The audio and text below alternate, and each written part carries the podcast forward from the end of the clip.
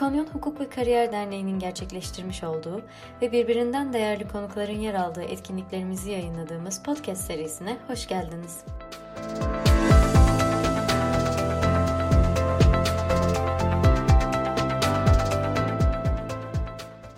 O da e, işe alım süreci. Yani bizim iş kanununa tabi olmadığımız e, süreç. E, bir iş ilişkisi kurulmadığı için bu süreçte dolayısıyla iş kanununa ilişkin hükümlerin uygulanmadığı bir süreçten bahsediyoruz. Şimdi her gün e, gazetelerde farklı farklı veyahut da medyada farklı farklı haberler okuyoruz. İşte aşı olmayanlara şu yapılacak, bu yapılacak. Mesela bir e, yurt dışında bir hekim, aile hekimi, bugün BBC'de gördüm. Aşı olmayanları ben kabul etmeyeceğim şeklinde bir e, haber vardı. Doğru mu yanlış mı bilmiyorum. Yani e, dünya farklı bir yöne doğru evriliyor. E, maalesef e, belirsizliklerin içerisindeyiz. Yani kimsenin net olarak e, iki kere iki dörttür e, diyemediği bir dönemdeyiz ve beynimizde belirsizlikleri sevmez. İnsan psikolojisinin doğası gereği e, mutlaka bir anlamlandırmaya çalışır. Hayatta kalma güdüsüyle belli kararlar alır. Şimdi e, biz hukukçular olarak bu noktada e, yorum yaparken ya da düşünürken bu süreçleri e, pandemiden nedeni, pandemi nedeniyle ortaya çıkan e, kaygıyı bir kenara bırakıp biz daha adil bir yaklaşım nasıl sergilenebilir? Buna bakmamız gerekiyor. Çünkü her şey aslında bizim için, insanlar için. Sağlıkta, çalışmakta, iş bulmakta vesairede. Dolayısıyla arada bizim bir dengeyi e, gözetmemiz gerekiyor. Bu birincisi. E, konulara e, reasonable yani mantıki bir açıklama yaptığımız zaman bazı durumlarda e, yanılma ihtimalimizin yüksek olduğunu görebiliyoruz. Dolayısıyla bizim olanı olduğu gibi kabul etmekten ziyade hukuk, adalet veyahut da olması gereken nedir? En azından onu bir ortaya güçlü bir şekilde koymamız e, hepimiz için daha faydalı olacaktır. Çünkü yarın bir gün, bugün yavaş yavaş başlayacak ama yarın daha hatta başladı işte e, aşısızlar başka ülkeye kabul edilmemesi, veyahut da şu tarz aşısı olanların şu ülkeden vize alamaması, seyahat özgürlüğüne, yaşama özgürlüğüne kadar devam eden bir süreç var. Dolayısıyla biz yorumlarımızı yaparken e, bir tık daha olması gereken hukuk anlamında değerlendirip içinde bulunduğumuz kaygı durumundan da birazcık kendimizi soyutlayarak yorum yapmamız çok daha mantıklı olacak diye düşünüyorum. Şimdi işe alım süreci çok gri bir alan arkadaşlar. Yani e, bu alanda e, maalesef e, çok yeterli kontrol mekanizmalarımızın olduğu söylenemez. E, özellikle e, yurt dışı örneklerine baktığımızda orada ayrımcılık, discrimination e, olarak ifade edilen ya da harassman olarak ifade edilen ayrımcılık konuları e, daha önceden e, düzenlendiğini görmekteyiz. Tabii orada e, göç vesaire gibi süreçler daha önce yaşandığı için bu noktalarda belli sıkıntıların çıkması üzerine orada belli adımlar atıldı. Ama e, 2016 senesinden itibaren de bizde e, 6701 sayılı kanunumuz var. İnsan Hakları ve Eşitlik Kurumu kanunu adı altında e, ayrımcılığın ne olduğu son derece detaylı olarak tanımlanan ve bence son derece modern ve güncel hatta benzerleriyle kıyaslandığında e, bir tık daha ötede bazı konularda olan bir kanun var. Şimdi e, hatta bu, buna bu konuyla alakalı bir de kurum kuruldu. Türkiye e, Eşitlik ve İnsan Hakları e, Kurulu adı altında. Maalesef KVKK kadar şu aşamada popüler değil. Yani KVKK'nın kestiği cezalar can yakıyor değil mi Girayhan sen bu işin içindesin. Ama bu kurulumuzun verdiği kararlar pek şu aşamada duyulmuyor. Ama e, yazmış olduğu gerekçeli kararlara baktığımızda gerçekten e, son derece doyurucu. E, yurt dışı örneklerindeki Avrupa İnsan Hakları Mahkemesi kararlarına da atıf yapan çok ciddi kararlar olduğunu görmekteyiz. Tabii bu zamanla evrilecektir. E, zamanla da daha düzelecektir. Şimdi e, klasik ve temel olarak bizim e, işe alım süreçlerinde karşımıza çıkan şey nedir? Biz her istediğimiz soruyu adaya sorabilir miyiz sorusuyla e, gündeme e, geliyoruz. E, bu noktada hani yasada ya da mevzuatımızda bir hüküm var mı diye baktığımızda birebir olmasa bile en azından kıyasen uygulayabileceğimiz bizim borçlar kanunu hükmümüz var. Çünkü iş kanununa bu tabi değil. Borçlar kanununda da e, genel olarak işveren işçiye ait kişisel verileri ancak işçinin işe yatkınlığı veya hizmet sözleşmesinin ifası için zorunlu olduğu ölçüde kullanabilir. Özel kanun hükümleri saklıdır demiş. Şimdi buradan yola çıkarak bu kanun metnini direkt okuduğumuz zaman aslında herkes sorduğum soru benim işe yatkınlıkla alakalı veyahut da hizmetin ifası için zorunlu gibi bir mana ortaya çıkartabilir. Ama bizim e, borçlar hukuk hocamız vardı. E, Cevdet hocamız, Cevdet Yavuz hocamız böyle dedikten sonra kazın ayağı öyle değil çocuklar derdi. Böyle güzel bir şekilde derdi. Kazın ayağı öyle değil. Şimdi en çok karşılaştığımız e, noktalardan bir tanesi bizim e, cinsiyete dayalı ayrımcılık ve gebelik nedeniyle bir ayrımcılık durumu söz konusu. 6701 sayılı kanunumuzda bizim e, diğer ülkelerde olmayan ama bizde olan ayrımcılık türleri açısından saymış. Dil, din, ırk, işte e, cinsiyet vesaire e, engellilik. Engellilik hemen hemen bütün kanunlarda var. Disability olarak geçiyor. Ve sağlık durumu olarak da bir ekleme yapmışlar. Yani şimdi mesela Almanya örneğine baktığımızda sevgili arkadaşlar e, orada da bir disability e, durumu bir ayrımcılık olarak öngörülebiliyor ama engellilik haricinde sağlık durumu olarak böyle genel bir kavram yok. Orada e, chronic disease olarak bir ekleme yapmışlar. Mesela Amerikalılarda sadece şey var, siz söyleyin. E,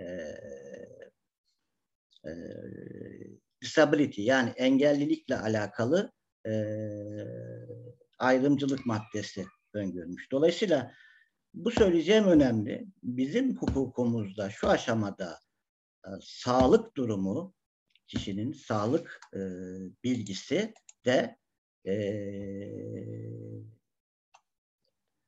ay, sağlık bilgisine dayalı da bir ayrımcılık yapılamayacağı açık olarak düzenlenmiş. Tamam. Şimdi e, bu e, olmasaydı, yani sağlık durumu denmeseydi biz neyi tartışacaktık? E, Covid-19 engellilik midir, değil midir? Değil mi? Tartışacaktık. Mesela Almanya'daki tartışma chronic disease dedikleri onların e, belli süreyle doktora gitmesi gereken belli hastalıklar e, var. Mesela diyabet, obezite vesaire gibi. Hatta bu konuda çıkmış bazı kararları da var ayrımcılıkla alakalı. Dolayısıyla bizim şeyimiz, bizim e, mevzuatımız bize şu yorumu yapıyor. Yani tamam işe yatkınlığıyla alakalı bir soru sorabiliriz. Hizmetin ifası için soru sorabiliriz ama sağlık durumuyla alakalı bir ayrımcılık bu insana biz yapamayız. Birinci kuralımız bizim bu. İkinci kural, e, sizler de çok iyi biliyorsunuz bir konuda e, bizim e, zorunluluktan bahsedebilmemiz için ne gerekiyor? Yasal bir düzenleme gerekiyor. Yani bunun için de meclisin bir kanun çıkartması gerekiyor. Sizler bunu anlatacaksınız biraz sonra ama bizde bir yasal aşıyla alakalı bir yasal düzenlememiz bizim yok. Değil Covid-19 hiçbir çocukluk açısı için de geçerli bir e, yasal düzenlememiz yok. Hatta bununla alakalı Anayasa Mahkemesi'nin verdiği 2015 senesinde Halime, Halime Sare Aysal e, kararı vardır meşhur. Yani e, bir zorunluluktan bahsetmek için o, o konuda bir e, kanunun düzenleme olması gerekiyor. Tüm dünyaya baktığımızda belli meslek grupları için mesela Fransızlar çıkarttılar, Yunanlılar çıkarttılar, sağlık mensupları için e, belli yasal düzenlemelerin olduğunu görüyoruz ama toplumun geneli için böyle yaptıkları bir e, yasal düzenleme, yasal zorunluluk yok. Şu halde aklımıza şu soru gündeme gelebilir. Biz bir insanı, bir kişiyi işe alırken COVID-19 aşısını olup olmadığını niye soruyoruz? bu soruya bizim sağlıklı bir e, cevap vermemiz gerekiyor. Birincisi ve e, bu konuda hani en şey tarafı meraktan bu soruyu sormuyoruzdur. Hani e, birincisi bu. İkincisi e, bu soruyu sorarken bizim hedeflediğimiz amaç ne? Bunlar önemli. Nasıl önemli? Bir e, kadın çalışana ne zaman evlenip evlenmeyeceğini sorup sormak veyahut da çocuk sahibi olup olmadığını sormak veyahut da çocuk sahibi olup olmayacağını sormak. İşte bir e, kız arkadaşı var mı, erkek arkadaşı var mı gibi soruları sormanın iş ilişkisinin ifasıyla bir alakası ve bilgisi yok. Buradaki temel amaç şu aslına bakarsak ve bunu net olarak ortaya koymak gerekiyor. İleride iş ilişkisinin sekteye uğrama ihtimali var. Dolayısıyla ben bu aday benim için bir risk almayayım eleyim. Peki böyle bir durumda benzer çalışanlarla o kişi arasında ne yapmış oluyorum? Bir ayrım yapmış oluyorum değil mi? Ya yani bir ayrımcılık yapmış oluyorum.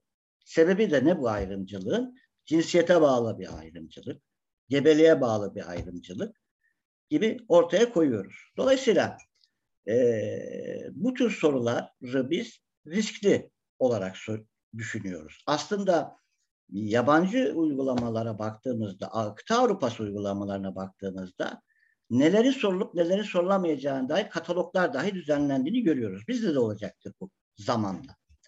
E, çünkü ayrımcılık konusu e, çok önemli bir konu ve bundan sonraki süreçte de karşımıza sıklıkla çıkacak bir konu e, sevgili arkadaşlar. Şimdi çok kısa bir e, kurul kararı örneği verip demek istediğimi toparlayacağım. Çok uzatmak istemiyorum.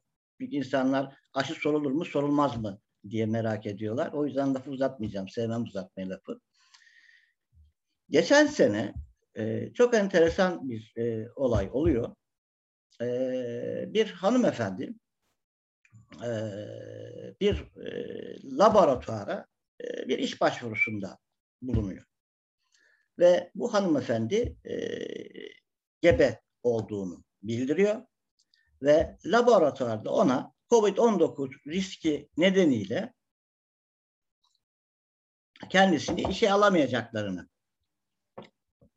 bildiriyorlar. Yani burada laboratuvar ne yapıyor? Bir akıl yürütme yapıyor. Hamileler için, gebeler için bir e, risk daha fazladır. Dolayısıyla e, aslında o çalışanı da koruyormuş gibi bir mana ortaya çıkar. Kötü niyetli olarak bir yorum yapmıyorum burada. Yani kötü niyetli bir yaklaşım olduğunu düşünmüyorum. Bir risk doğabilir. Dolayısıyla biz hani bu şekilde bir e, hamile bir e, bayanın, kadının e, çalışması uygun olmayabilir şeklinde işe alıp reddediliyor. Bu hanımefendi e, İnsan Hakları ve Eşitlik Kurulu'na e, müracaat ediyor. O kararı lütfen edinin ve okuyun. Yani tavsiye ediyorum. Çünkü çok değerli içinde bilgiler var. Çok güzel bir akıl yürütme yapmışlar. Ee, önce Sağlık Bakanlığı'na yazmışlar. Acaba hamileler için e, işte laboratuvar dahi olsa çalışamama anlamında bir, bir engel var mı? Yani bir şey var mı diye yazmışlar. Sonrasında yetinmemişler. Aile Bakanlığı'na da yazmışlar e, bir e, görüş yazısı. Burada şunu ortaya çıkartıyor. Şu çok güzel bir akıl yürütme. Maalesef o yanılgıya düşüyoruz. Yani hepimizde var bu. Hepimiz kendimizce bir risk değerlendirmesi yapıyoruz. Risk değerlendirmesini aslında yapacak kimdir? İşin erbabıdır değil mi? İşin uzmanıdır. Yani hekimdir misal veriyorum. Bakanlıktır. Dolayısıyla her iki bakanlığın da verdiği e, ortak görüşte çalışmaya engel bir durumun olmadığı, belki riskleri önleme anlamında birazcık daha fazla korumanın gerektiği, işte maske, mesafe, temizliğe dikkat edilmesi gerektiği şeklinde görüş bildiriyorlar. Ve e, İnsan Hakları ve Eşitlik Kurulu da bu noktada incelemesini yaparken diyor ki şu aşamada bir insanın e, laboratuvarda dahi çalışacak olsa gebe olması çalışmasına engel bir durum değil. Ben buradan bu görüşlerden bunu arıyorum. Dolayısıyla her ne kadar sağlığı koruma anlamında bir karar almış iseniz de işçinin sağlığını da korumak anlamında bir karar almış iseniz de bu e, cinsiyet temelli bir ayrımcılık teşkil eder diyor. Şimdi bu çok ortada e, tartışılmadı maalesef ama tartışılması gereken bir karar olduğunu düşünüyorum. Aynı şekilde yorumu biz e, şeye yaparsak, bu aşı konusuna yaparsak, bu sorunun e, riskli bir soru olduğunu düşünüyorum. Neden? Bu soruyu sorup bu soruya bir cevap aldığınızda mesela aşım yok şeklinde bir cevap aldığınızda e, insan kaynakları ekipleri bunlara short list diyorlar işte kısa listeler oluşturup işte işe girecek adayların e, somutlaştırılması anlamında. E, bu adayın tercih edilmemesi e, nedeninin aşıya dayalı olmadığını ispat etmeniz gerekebilir sevgili arkadaşlar. O açıdan birincisi bu sorunun sorulmasını riskli buluyorum. İkincisi kanunen böyle bir zorunluluk olmadığında e, aşıyla alakalı bir e, sorunun sorulmasının en azından şu aşamadaki mevzuat yasal hükümler gereği gerekli olmadığını da düşünüyorum. Ha peki kronik rahatsızlıklar, iş yapışıyla alakalı sorunun olup olmadığı vesaire gibi şeyler sorulabilir mi? Bunlar sorulabilir. Yani çünkü işin gerçekten yapımına ilişkin olarak bir sebeptir bunlar. Anlatabiliyor muyum? Ama e, biz burada bu kişilere çocukluk aşılarının olup olmadığını sormuyoruz. Niye? Çünkü öyle bir salgın yok artık ortada. Sormamızın sebebi salgın durumunda ben de risk faktörlerimi kendime göre ayarlayayım, kendime göre düzenleyeyim demek. Ama bunun da bir garantisi şu aşamada bilimsel olarak en azından yani yüzde yüz bir garanti veren bir yöntem olarak düşünülmüyor. Dolayısıyla e, bizim anayasamızda da herkes, e, her kurum e, kanunun kendi verdiği yetkileri e, kullanmakla mükellef. Dolayısıyla zorunluluğun olmadığı bir noktada böyle bir sorunun sorulmasında ben açıkçası şahsi olarak çok bir hukuki temelinin ne olduğunu düşünmüyorum. E, dolayısıyla bu soru kapsamında e, eğer ki soruldu ve işçi de buna ben aşımı olmadım diye bir yanıt e, verdiği takdirde bu konu e, yarın bir e, kurumun e, önüne e, gittiğinde kurumun bunu sağlık sebepli bir ayrımcılık olup olmadığını denetleyeceğini bir bilmemiz lazım. Bunu denetlerken de yapacağı şey belki ilgili Sağlık Bakanlığı'nın ve diğer bakanlıklarının yine görüşünü alacaktır. Ve günün sonunda işveren e, aşı sebebiyle e, aşı olmadığı gerekçesiyle işe alım yapmadığını yani bir aşıya dayalı bir ayrımcılık yapmadığını ispat etmesi gerekebilir. Dolayısıyla bu bu anlamda e, aşı sorulmasını çok e, riskli olarak görüyorum. Zaten biraz sonra anlatacaksınız bu bir takım genelgeler çıktı. PCR'larla alakalı vesaire alındı. Dolayısıyla bu genelgelerden bahsedilebilir bir bilgi sorulmadan. Aşınız eğer ki yoksa işte PCR isteme gibi bir şeyimiz var bu konuda bilgi vermek istedik denilebilir ama doğrudan doğruya bir aşı anlamında bir şeyin e, sorulmasını biz riskli buluyoruz. E, kurulu kararlarına baktığımızda ispat yükünün bizim biliyorsunuz e, iş kanununun beşinci maddesi var. Eşitlik ilkesine e, yönelik olarak sevgili arkadaşlar. Burada da kuvvetli emarelerin olduğu ortaya çıktığı zaman bu ayrımcılıkla ilgili konularda ispat yükü artık yer değiştiriyor. Yani karşı taraf böyle bir şey olmadığını ispat etmesi gerekiyor. E, 6701 sayılı kanunda da bu, bu net bir şekilde ortaya konuyor. E, vermiş oldukları bir kararda 5 e, dakikam kalmış e, ne, şey e, Nermin Hanım. Bir 3 dakika bana torpil geç tamam mı? Sana tabii, tabii. Peki tamam e, vermiş olduğu kararlarda usulü ya ispat yükü anlamında e, baktığımızda yine bir e, kadın çalışan, yine bir hamilelik durumu söz konusu oluyor. Beş kişilik ekiple görüşüyor. Yani ayrı ayrı işte bilmem ne müdürü, bilmem ne müdürü, ondan sonra genel müdür. insan kaynaklarından arıyorlar, e, biz seni kabul ettik diyorlar. E, sonra e, şey söylüyor, siz söyleyin hani hamile olduğumu öğrendim diyor. Aa o zaman biz seni alamıyoruz şeklinde geri dönüş yapıyorlar. Ve hatta bununla da e, yetinmeyip e, bir de ilan çıkıyorlar tekrardan. Şimdi konu kurulun önüne gidiyor. Kurul bu olayları tek tek tek tek ifade ediyor. Tabii karşı tarafın savunması hani biz böyle bir şey yapmadık hani işin gereği doğası gereği almadık gibi bir savunmaya dayanıyor anladığım kadarıyla. Kurul diyor ki yani e, bu kadar safahattan geçen bir süreçten sonra sen hani böyle bir kuru bir savunmayla e, bir şeyin olmadığını ifade edemezsin, ispat edemezsin. Dolayısıyla işçi burada ya da aday burada kuvvetli e, emareler sunmuş. Bak beş kişiyle görüşmüş, e, aramışlar vesaire bir yazışmalar olmuş. Şuydu bu daha sonra gitmişsiniz ilan vermişsiniz.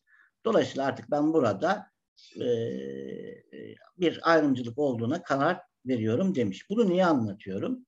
Bunu şu sebeple anlatıyorum. E, yasa çıksaydı işimiz çok kolaydı. Yasa olsaydı işimiz çok kolaydı bu aşı mevzusunda. Ama anladığım kadarıyla bir, bu konuda bir kanun e, yakın zamanda çıkmayacak. Çıkmasını da beklemek çok hayalcilik olur.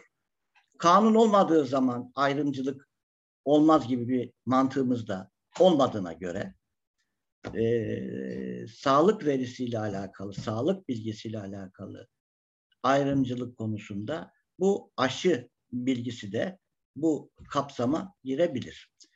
Ee, şimdi toparlamaya çalışacağım son olarak. Peki bu kurumun yaptığı inceleme ne bize sonuçlar veriyor? Bir, idari para cezası veriyor. Ee, idari para cezası e, dediğimiz şey işte kuruma atıyorum şirkete 5 bin lira, 15 bin liraydı. Şimdi kaç lira oldu bilmiyorum. Yani çok sembolik rakamlar biliyor.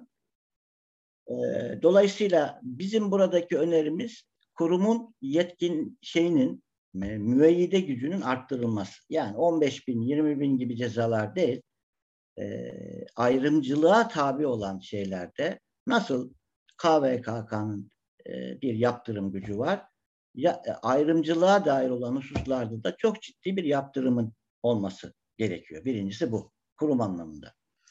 İkincisi, e, biz özellikle e, bu işe alım süreçlerinde iş kanununa tabi olmadığı için işçiler neye göre biz e, sürecimizi yönetiyoruz sevgili arkadaşlar? Hukukçuların birinci sınıfta öğrendiği hukukun temel ilkelerine göre. Hukukun temel ilkeleri dediğimiz şey nedir? Sözleşme öncesi sorumluluk maddeleridir. E, LinkedIn'de e, zaman zaman paylaşıyorum. Yargıtayımızın da bu konuda e, önemli kararları çıkmaya başladı. Dolayısıyla bu tür sorunlar artık yargı önüne daha çok gidiyor. Onu ifade edeyim. Yani bir işe alım sürecinde bir ayrımcılık yapıldı e, ve kişi işe bu sebeple alınmadığında iş kanunundaki işe iade, kıdem ihbar vesaire gibi tazminatlar söz konusu olmayacak sözleşme öncesi olan sorumluluklar dediğimiz sorumluluklar meydana gelecek. Bunlar da çok soyut kavramlar ve teknik olarak bu tür davalarda iş mahkemelerinde görünmüyor. Genel mahkemeler dediğimiz bizim asliye hukuk mahkemelerinde görülüyor. Burada ne zarar talep edebilir işçi? Önceki iş yerinden yeni işe gireceği için e, ayrılması sebebiyle kıdem ihbar talep edebilir mi? Kıdem ihbar talep edemiyor. Misal veriyorum.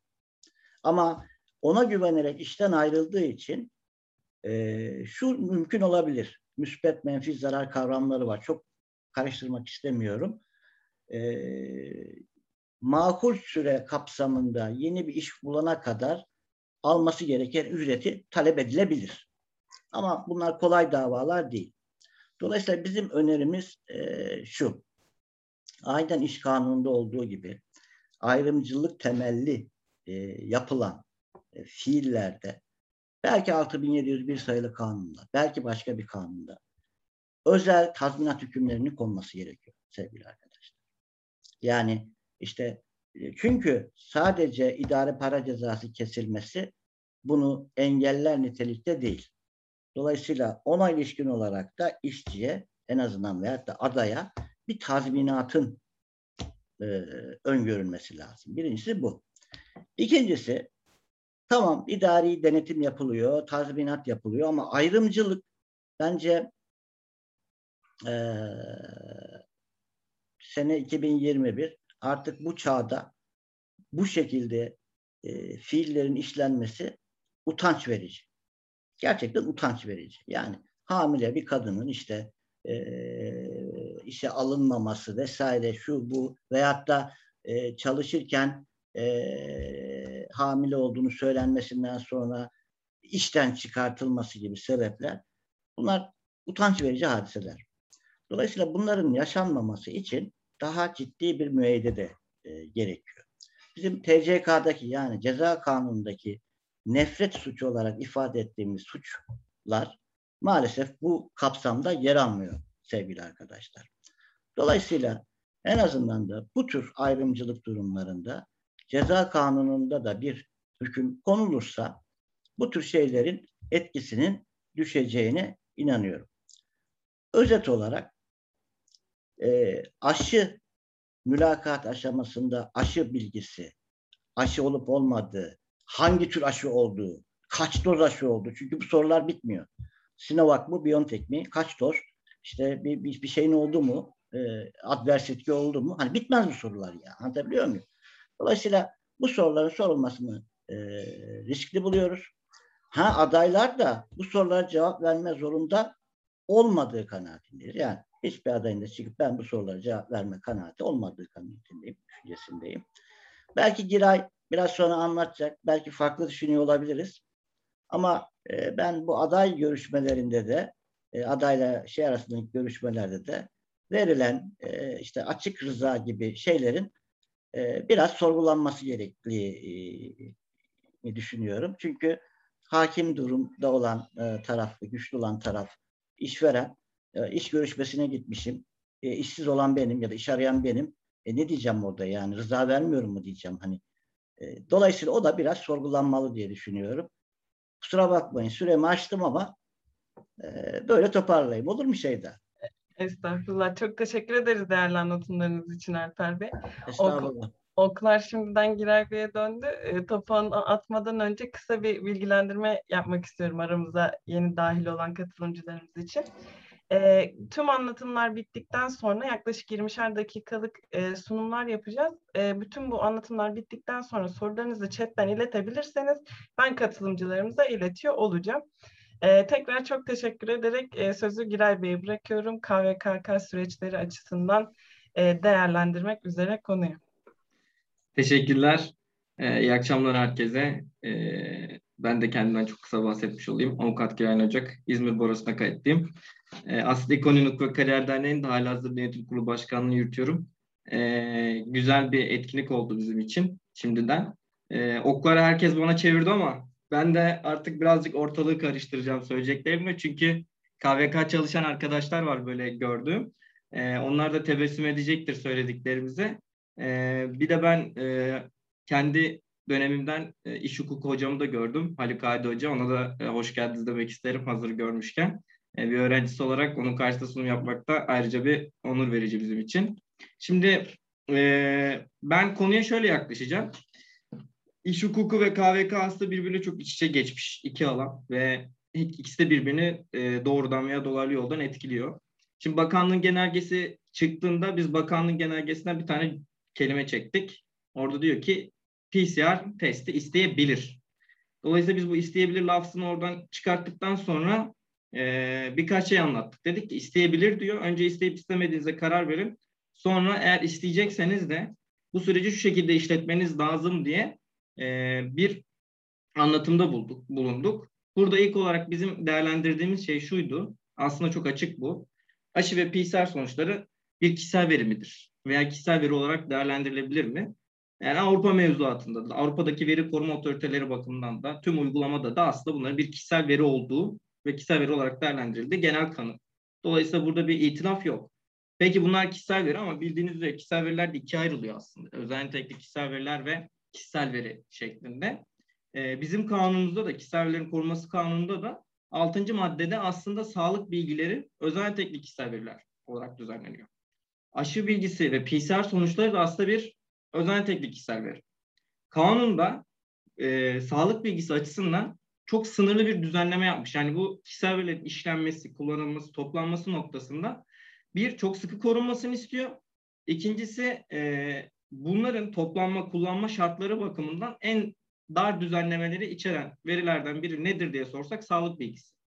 Burada da kanunun tanımladığı iki şey var.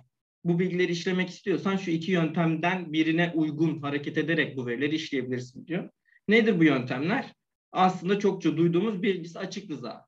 Yani kişinin onayı ile bu bilgilerin işlenmesi. İkincisi ne? Ee, kanun sağlık bilgisi açısından şunu söylüyor. Diyor ki kamu sağlığının korunması, tıbbi teşhis, tedavi, kamu e, sağlığının finansmanı gibi amaçlarla artı yetkili kişi, kurum, kuruluşlar açık rıza almaksızın sağlık bilgisi işleyebilir diyor. Yani bunun aslında burada bizim anlamamız gereken şey ne? Yani yetkili kişi, kurum, kuruluştan bizim ne anlamamız gerekiyor? Aslında burada anlamamız gereken şey işverenler bakımından iş yeri hekim. Dolayısıyla buradan şu şunu anlattık biz. Dedik ki aşı ve PCR bilgisi bir sağlık bilgisidir. Bu da bir kişisel veridir. Özel teknik kişisel veridir. Kanuna göre de siz personelden açık rıza almaksızın bunu iş yeri hekim vasıtasıyla işleyebilirsiniz. Yani iş yeri hekim vasıtasıyla aşı kimlik bilgilerini toplayabilirsiniz. PCR testi sonuçlarını alabilirsiniz. İş yeri hekimi bazı işverenler bünyesinde haftada bir gün iki gün çalışıyor. Bazılarında sürekli çalışıyor. Bu zamansal aralıkları da gözetecek şekilde bir iş planı yapıp hem aşı bilgilerini hem de PCR sonuçlarını bilgilerini bu şekilde yapabilirsiniz dedi. İş yeri hekimi vasıtasıyla. Şu soru geldi akabinde. Peki iş yeri hekim yoksa bazı e, iş yerlerinde bu yok çünkü iş yeri hekim. Hem yasal mevzuattan kaynaklı zorunluluk yok. Veya ben insan kaynakları birimi olarak bu aşı kimlik bilgilerine veya PCR sonuçlarına erişmek istiyorum. Bunları kendi bünyemde tutmak istiyorum. O zaman ne yapabilirim diye sorular geldi. Orada da bizim söylediğimiz şey şuydu.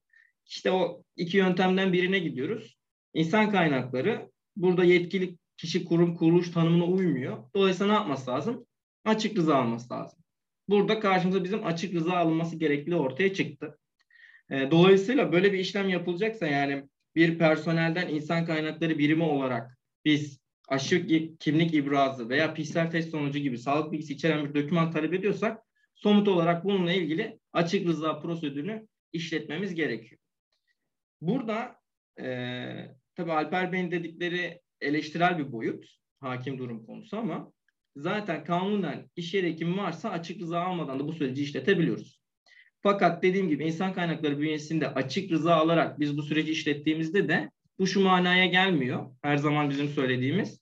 Yani bunu özgürce, sınırsız kullanabileceğiniz anlamına gelmiyor. Siz bir kişisel veri işlemek için, bir sağlık bilgisini talep etmek için kişinin onayını almış olsanız dahi burada işte bizim kanunun e, kişisel verileri koruması kanunun anayasası dediğimiz, değiştirilemez maddesi dediğimiz dördüncü maddesi var. Burada bir ilke getirilmiş. Bu ilkelerden biri de ölçülülük ilkesi. Yani siz açık rıza alsanız da bu şekilde bu bilgileri sınırsız bir şekilde kullanacağınız anlamına gelmiyor. Ölçülü bir şekilde kullanmanız gerekiyor. Orada aslında Alper Bey'in dedikleriyle de bağlantılı. Hem birazdan bahsedeceğim hem Avrupa'daki veri koruma otoritelerinin yaklaşımı bu şekilde. Yani bu bir ayrımcılığa siz bu bilgileri topluyorsunuz ama bu bir ayrımcılığa maruz bırakmamalı diyor kişiyi. Ee, veya hayatını olumsuz etkileyecek durumda olmamalı. Her ne kadar açık rıza alsanız da veyahut bunu bir yasal düzenlemeye dayandırsanız da. Dolayısıyla sınırsız erişeceğimiz, sınırsız kullanacağımız anlamına gelmiyor. Siz eğer bu bilgileri topluyorsanız kendi bünyenizde, açık rıza aldınız veya iş yeri hekimi vasıtasıyla, örneğin insan kaynaklarını da topluyorsunuz. Bununla kim erişecek? Beş personelse beşi de erişmemeli. Hangisi erişiyor? Bu bilgiler hangi amaçla kullanılacak? İşte elektronik bir ortamda saklanılacak mı? Elektronik bir ortamda saklanacaksa bununla ilgili yeterli teknik ve idari anlamda tedbirler alındı mı? Bunlara uygun hareket edilmesi gerekiyor. Ölçülük ilkesi sınırları aşılıyor mu? Çünkü şöyle, kalkıp da siz açık rıza var diye e, üretim e, var diye çizelgesine, işçilerin ismini asıp yanına da aşılı, aşısız diye bir liste asarsanız ki bu üniversite tarafından öğrenciler için yapıldı. Bu, bu, bu tarz şeyler oluyor. Ölçülük ilkesini aşmış oluyorsunuz. E, bu tarz yorumlar getirildiğinde yani açık rızayı aldım sonuna kadar kullanabileceğim şekilde düşünebiliyor. O yüzden kanuna uygun hareket etmek yetmez. Sadece açık rıza almak yetmez. Bununla birlikte ölçülü de kullanmanız lazım. Son derece sınırlı koruyacaksınız. Erişecek kişiler belli olacak şeklinde anlattık. Tabii işin açık rıza bir boyutu. Bir de ne yapmak gerek bunun haricinde? Dedik ki aslında yapılması gereken bir diğer yükümlülük de kurulun çok önem verdi. Kişisel verileri koruma kurulunun çok önem verdi. Ama sadece bugüne kadar bir tane veri sorumlusuna ceza tesis etti. Bir yükümlülük o da aydınlatma yükümlülüğü. Yani aydınlatacaksın dedi personeline. Neden bu bilgileri istediğine dair. Yani aydınlatma yükümlülüğünden bizim anlamamız gereken şu. Personelden aşı kimlik ibrazı istiyorsan veya PCR test sonucu istiyorsan hangi tür kişisel verileri isteyeceksin? Bu istediğin kişisel verileri isteme amacın ne? İşte iş sağlığı güvenliği tedbirlerini almak, iş faaliyetlerinin yürütülmesini denetlemek, e, mevzuata uygun hareket etmek vesaire. Bunları ne kadar süre saklayacaksın? Yani kişinin iş hakkı süresi boyunca mı saklayacaksın? İş hakkı sona erdikten sonra imha edeceksin? Yoksa işte yarın bir gün bir iş uyuşmazlığı çıkabilir diye 10 yıl mı saklayacaksın gibi saklama amaçlarını belirleyen, işte isteme amaçları belirleyen bir aydınlatma yapacaksın dedi. E tabi bildiğiniz üzere aydınlatma yükümlülüğü de bir ispat şartına bağlı olduğu için genelde bir aydınlatma metni hazırlanarak bu süreç işletildi. Tabii biz tüm bunları anlattıktan sonra e, bir kamuoyu duyurusu çıktı. Çalışma ve Sosyal Güvenlik Bakanlığı'nın genelgesiyle kişisel verilerin korunması kurumunun kamuoyu duyurusu arasında bir süre vardı. Bu süreçten sonra bir kamuoyu duyurusu çıktı. Kamuoyu duyurusunda da bir takım şeylerden bahsetti. Ee, oradan da aslında uygulama ve doktrin ikiye bölündü. Yani burada işverenler dahil mi, değil mi? Dahil ise o zaman açık rıza almayacağız, e, aydınlatma yükümlülüğünü yerine getirmeyeceğiz. Bu anlaşılıyor. Dahil ise bunları yapmaya devam edeceğiz şeklinde ilerlendi. Kamuoyu duyurusu aslında şunu diyor. Basında da işte KVK'ya aykırı değil şeklinde e, duyuruldu. Birincisi kamuoyu duyurusunun atıf yaptığı bir tane kanunun maddesi var. Kişisel verilerin korunması kanunu 28. madde. Burada kanun istisnaları sayılmış ve bu istisna tam istisnalardan biri de şu. Diyor ki kamu düzenini tehdit eden bir durum var ise kamu sağlığının korunması, kamu düzeninin sağlanması, milli güvenlik gibi durumlarda kamu kurumları tarafından yürütülen koruyucu önleyici, istihbarati faaliyetler kapsamında yapılan kişisel veri işleme uygulamaları kanun kapsamında değildir. Yani bu ne demek aslında? Örneğin MIT bir koruyucu önleyici tedbir yürütüyorsa kalkıp da size bir aydınlatma yapmayacak. Telefon numaranızı şu yüzden istiyoruz. Amacımız bu. Onayınız var mı? Yapmayacak. Kanunun dışında diyor. Şimdi kurul da duyurusunda bu kanunun e, bu maddesine atıf yaptı. 28. maddeye atıf yaparak dedi ki işte e, böyle böyle bir madde var. Dolayısıyla kamu kurum ve kuruluşları tarafından yürütülen önleyici ve koruyucu istihbarat faaliyetler kanun kapsamının dışındadır dedi. Dolayısıyla kanunu işletmeye gerek yok dedi. Yani aslında biraz önceki bahsettiğimiz açık rıza ve aydınlatma yükünün yerine getirmeye gerek yok dedi ama burada ortaya çıkan tartışma şu. E, kamuoyu duyurusunun hiçbir yerinde doğrudan işverenlere bir atıf yok. Yani işverenlerin yapacağı uygulamalar bakımından bu işte kanun istisnasıdır demiyor. Burada şöyle bir şey var. Hem İçişleri Bakanlığı'nın hem de Çalışma ve Sosyal Güvenlik Bakanlığı'nın genelgelerine atıf yapılarak kamuoyu duyurusu yayınlandı. Dolayısıyla bu genelgelere atıf yapıldığı için uygulamada şöyle bir şey çıktı. Bu genelgelere atıf yapılıyor. Bu PCR testi isteme durumu da Çalışma ve Sosyal Güvenlik Bakanlığı'nın bir kamu kurumunu yürüttüğü, istenmesine yol açan durumda yürüttüğü bir önleyici faaliyettir kamu sağlığının korunması için. Dolayısıyla dolaylı olarak işverenler de bu faaliyet kapsamındadır. Dolayısıyla istisnadır denildi. Bir taraf böyle diyor. Diğer taraf açısından ise hayır doğrudan kamu kurumlarıyla alakalıdır. E, işverenlerle ilgili açık bir hüküm yok burada. Kanun uygulanmasına devam edilmesi gerekiyor yaklaşım ortaya çıktı. Burada bizim görüşümüz açıkçası birazcık daha buna garantici yaklaşmak. Çünkü açıkça işverenlerden bahsetmediği için e, yine ilk başta anlattığımız iş yeri hekimi vasıtasıyla bu kişisel verilerin işlenmesi veya açık rıza alarak bu sürecin işletilmesi yönünde olduğunu düşünüyoruz. Çünkü zaten bu kamuoyu duyurusu çıkmadan önce e, şirketler, işverenler kanun kapsamında uygun hareket ettiyse o saniyeye kadar ve aydınlatmasını vesaire yaptıysa ki bunlar zaten anlık faaliyet bazlı yapılması gereken çalışmalar kanun uygun hareket etti. E, böyle de bir açıklamayla tekrardan kafa karıştırıcı bir durumda kalıp e, aleyhimize bir sonuç doğurmasını uzun vadede engellemek gerekiyor. Çünkü şöyle bir durum var. Doğrudan işverenlerden bahsetmediği için kamuoyu duyurusu. E, bildiğiniz üzere personelin bir ilgili kişi sıfatıyla işverene başvurarak sen benim hangi kişisel verilerimi işliyorsun? Ya da bunlarla ilgili işte nerelerde saklıyorsun, ne tarz uygulamalar yap- yapıyorsun şeklinde bir soru sorma, başvuru hakkı var. Yarın bir gün bir işveren çıkıp da bu e, kamuoyu duyurusuna güvenerek e, ben nasıl olsa istisnayım, istediğim uygulamayı yaparım şeklinde bir yoruma e, getirirse olayı ve kalkıp da gidip güvenlikte e, işçilerin tek tek güvenlik personeli tarafından işte aşılarını, PCR testlerini kontrol ettirirse, bunu da liste halinde asarsa vesaire gibi durumlar olursa birazcık iş faciaya doğru gider. Burada size işveren işverene işçi başvurduğu zaman ona cevaplamanız gereken birçok birçok soru karşınıza çıkacak. Yani ben bunu bu amaçla aldım, bu amaçla saklıyordum şeklinde. Burada da bu başvurun akabinde kişisel verileri koruma kuruluna bir şikayet gittiği zaman kişisel verileri koruma kurulu evet ben bir kamuoyu duyurusu yayınladım. Sen de bu kapsamdaydın demeyebilir. Dolayısıyla böyle demeyeceği için ki ben dememe ihtimali daha yüksek bulunduruyorum. Birazcık daha ilgili kişilerin yanında oluyor ceza tesis ederken. Kendimizi bu noktada garantiye almak daha makul, daha sağlıklı olduğunu düşünüyorum. Çünkü biz kanun kapsamında değiliz. İstisnayız diye bir yorum getirdiğimiz zaman mesela geçtiğimiz gün Muş'ta caminin imamı e, köyde bütün aşı olmayanları tek tek şey davet etmiş, camiye davet etmiş.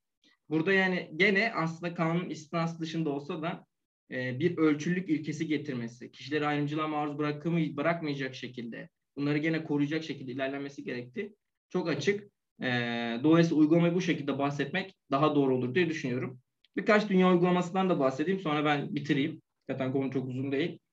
E, Avrupa'daki veri koruma otoritelerinin genel yaklaşımı şu. E, bazı ülkelerde bu aşı bilgisinin kesinlikle ve kesinlikle istenemeyeceği söyleniyor. Bazı ülkelerde belirli limitler ve sınırlar dahilinde istenebileceği söyleniyor ama hepsinin atıf yaptığı aslında Alper Bey'in de ilk başta söylediği e, ayrımcılık teşkil edip etmeyeceği. Yani bu bilginin işlenmesinin kişinin haklarına, temel haklarına zarar verip vermeyeceği noktasında bir karar verilerek ilerlemesi gerektiğini söylüyorlar.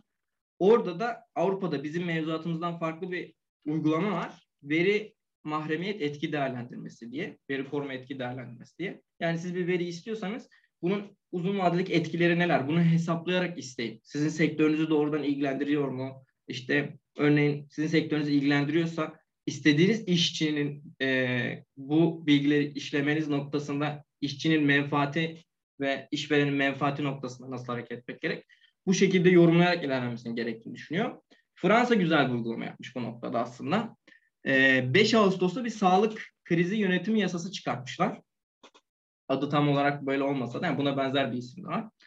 Burada bir kısım e, kapsamda işverenleri listelemişler ve demişler ki işte örneğin medikal tarafta çalışan kişiler e, aşı durumlarını kontrol edilebilir bu faaliyet alanında çalışan işçiler bakımından. E, bir tane daha liste yayınlamışlar. Orada da demişler ki burada da sağlık karnelerini kontrol edebilirsiniz. Yani bir HES kodu gibi sağlık karneleri oluşturmuşlar. Burada da sağlık karnelerini kontrol edebilirsiniz. İşte kişi negatif mi, sonucu ne, aşı durumu ne şeklinde. Bu listede olmayanlar bakımından yani devletin ilan ettiği listede olmayan bizdeki NACE kodları gibi faaliyetlerde çalışmayan işverenler bakımından da demiş ki Fransa Veri Koruma Otoritesi'nin e, yayınladığı kılavuza göre veri koruma yasalarına uygun hareket etme gerekliliğinden bahsedilmiş ve orada da GDPR'a atıf yapılıyor. Yani Genel Veri Koruma Tüzüğü'nün 9. maddesine atıf yapıyor.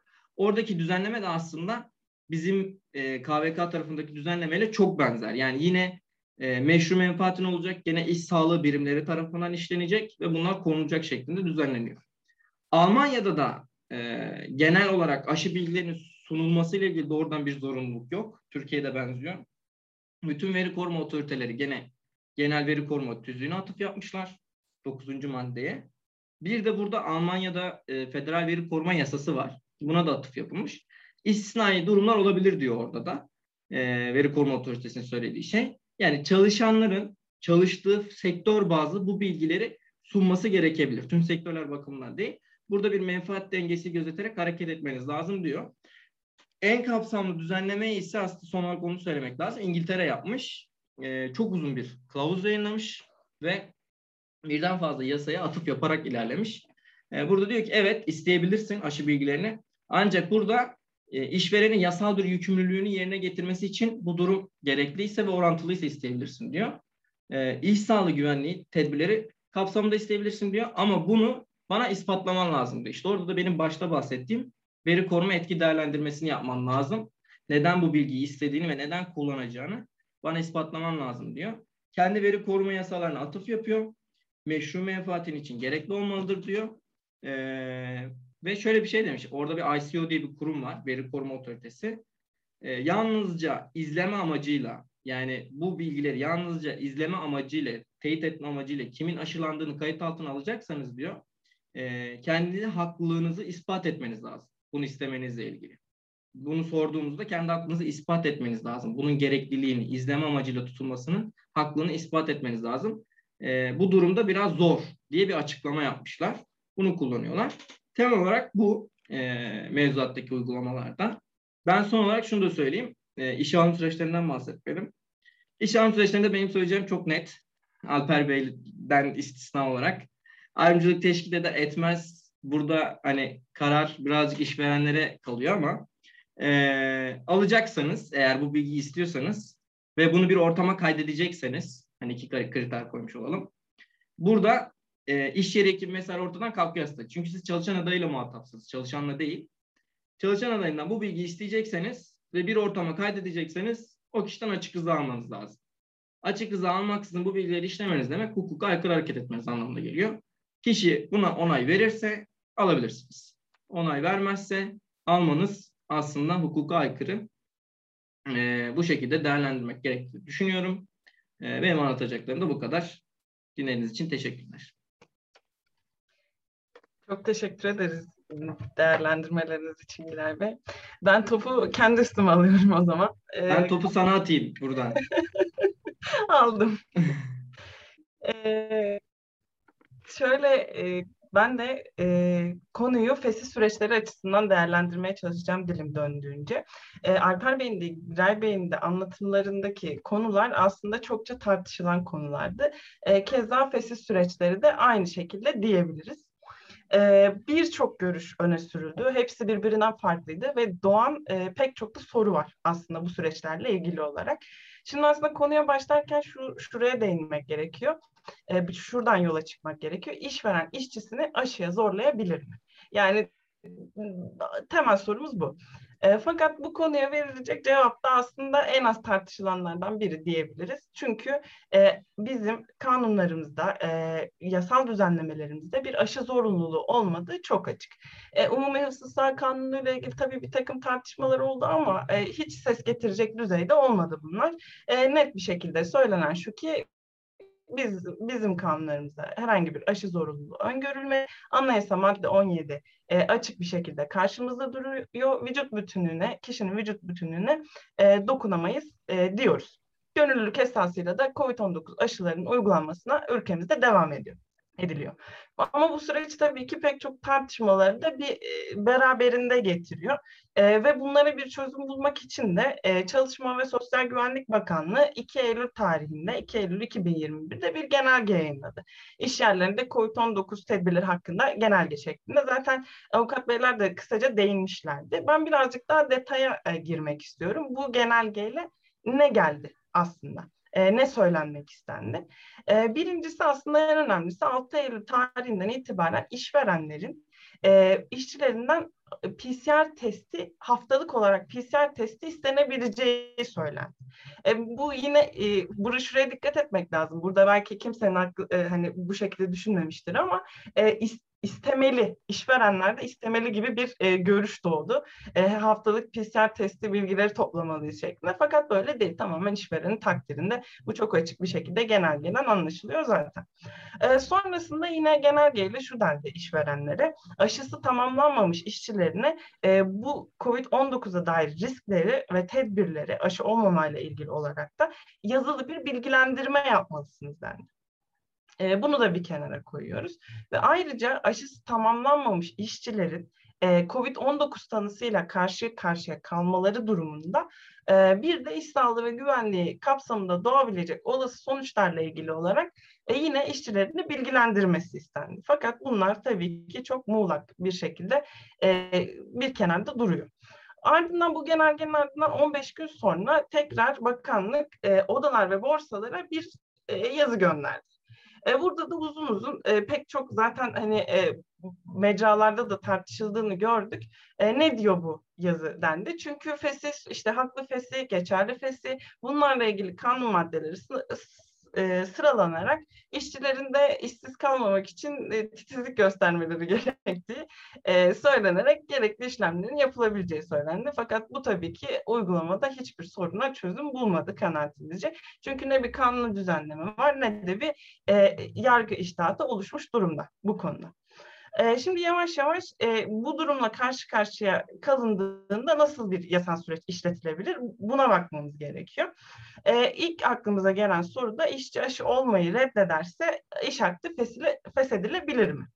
Bu soruya cevap vermemiz gerek. İş hakkının fesi ile ilgili olarak bizim görüşümüz ne haklı fesi ne de geçerli fesi yapılamayacağı yönünde e, aşı olmamanın e, aşı olmama tercihini. Çünkü bu bir zorunluluk değil. Baştan beri anlatıldığı gibi. E, zaten bu, bu derece bir öneme haiz olsaydı e, bunu kanunen bir düzenlemeye bağlamak gerekirdi. Herhangi bir kanunu düzenleme olsaydı da aşı zorunluluğuna ilişkin pek tabii ki biz bunu haklı fesis sebebi yapabilirdik. Madem aşı olmuyoruz, e, olmuyorsunuz o zaman e, haklı nedenle fesih hakkımızı biz de kullanıyoruz denebilirdi. Fakat mevcut durumda ölçülülük ilkesine aykırı olduğunu düşündüğümüz için biz sadece aşı olmamanın haklı ya da geçerli fesih sebebi yapılamayacağını düşünüyoruz. Sonra e, aslında burada ikili bir ayrıma gidiyoruz. Aşı ve PCR. Şimdi aşı olmadı fakat genelgeyle işverenlere PCR testi istenebileceği ile ilgili bir yetki verildi. Fakat işçi PCR testi getirmemek konusunda da ısrarcı. Peki bu durumda biz iş hakkını feshedebilir miyiz sorusuyla karşı karşıya geliyoruz. Bu durumda da e, genelgeyle dahi olsa bu kısım tartışmaya çık ama bugün uza, uzun uzadıya tabii ki buraya giremeyiz. E, genelgeyle dahi olsa işverenlere verilmiş bir yetki var. Bu sebepten ötürü e, PCR testi getirmemekte de ısrar etmesi işçinin bizce e, geçerli fesi, işverence geçerli fesi sebebi yapılabilir. Ya buradaki değerlendirmemizin e, detaylarına da girecek olursak yani aslında e, bu görüşü savunmanın bazı temel gerekçeleri var. Ya biz burada temel tartışma bütün bu görüşlerin öne sürülmesindeki sebep anayasal haklarla aslında işverenin e, iş güvenliğini sağlaması konusundaki menfaat çatışması. E, buraya bir çözüm getirmeye çalışıyor bütün hukukçular. E, burada da bir denge gözetmek lazım. Doktrinde pek çok görüşe de e, rastladık. De, e, deniyor ki aslında bir, bir noktada e, evet tamam anayasa madde 17 var aşı zorunlu değil e, vücut bütünlüğüne dokunamayız ama bu e, tecrit edemeyeceğimiz anlamına gelmez. Sonuç olarak e, kamu yararı ve toplum menfaatini de düşünmek zorundayız bu sebeple bütün hakları kullanabiliriz denen e, çok da sert görüşler var. Fakat dengeyi korumak adına yani bu anayasal hakkın varsa ve bununla yaşamımı idame ettirmek e, ettirmek istediğinde açık olduğuna göre e, burada geçerli fesih görüşünü kabul etmenin taraf çıkarlarına çok daha uygun olduğunu düşünüyoruz. E, geçerli fesih dediğimizde tabii akla e, e, yani göz önünde bulundurulması gereken pek çok ilke de var. Bunların iki tanesi yani baştan beri bahsettiğimiz ölçülük ilkesi bir de fesitte son çare ilkesi. E, bunlar göz önünde bulundurulmadan e, buna uygun davranılmadan da geçerli fesih yapılamayacağı çok açık. E, yarın bir gün işverenler için de işe iade e, sorununda karşı karşıya kalınabilir. E, bu ilkeler neyi anlatıyor aslında bize? E, yine PCR testi de getirmemekte, aşı olmamakta PCR testi getirmemekte ısrar eden işçilere karşı bir takım önlemler alması gerek işveren. E, bunlar neler olabilir? E, yine bakanlıkların sıkça sorulan sorular vesaire gibi bilgilendirmelerinde pek çok tedbir yayınlandı. E, işte çalışma sıklığını azaltabilir, çalışan sayısını e, bölebilir, e, iş yerindeki birçok tedbiri arttırabilir. Yine sağlık açısından, e, virüse karşı önlem açısından ve bunun yanında bir bir de uzaktan çalışma konumuz var.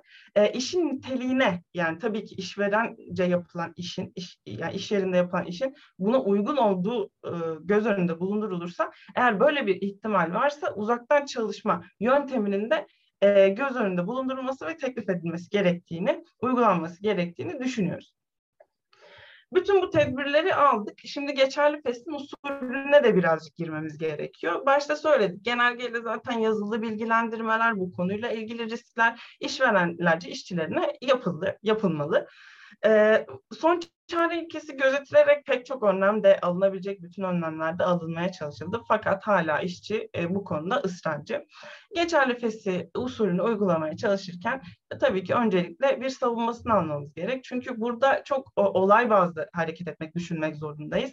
E, işçinin e, bir sağlık problemi olabilir. Aşıya e, aşı olamıyor ya da işte PCR test olamıyor vesaire vesaire gibi durumları olabilir. E, haklı bir mazeretinin olup olmadığını öncelikle bir, biz e, görmek durumundayız. İşveren açısından baktığımız zaman. E, bir yazılı savunma alıyoruz ve bu makul bir savunmayla da karşılaşılmadığı e, takdirde e, işçi disiplin cezası uygulayarak e, akabinde de e, tekrar ısrar etmesi durumunda geçerli fesih usulünü yani yasal haklarını vermek suretiyle e, fesli gerçekleştirebiliyoruz diyoruz. Bizim görüşümüz bu yönde. Şimdi kısaca aslında fesih e, bölümünü toparladık. E, bunun yanında işçi işveren ilişkilerinde çok fazla e, tartışılan noktalar da oldu aşı ve PCR konusunda. E bunlardan biri nedir? PCR testini de getirmeyen işçi iş yerine alınabilir mesela. İş yerine alınmaması mümkün mü?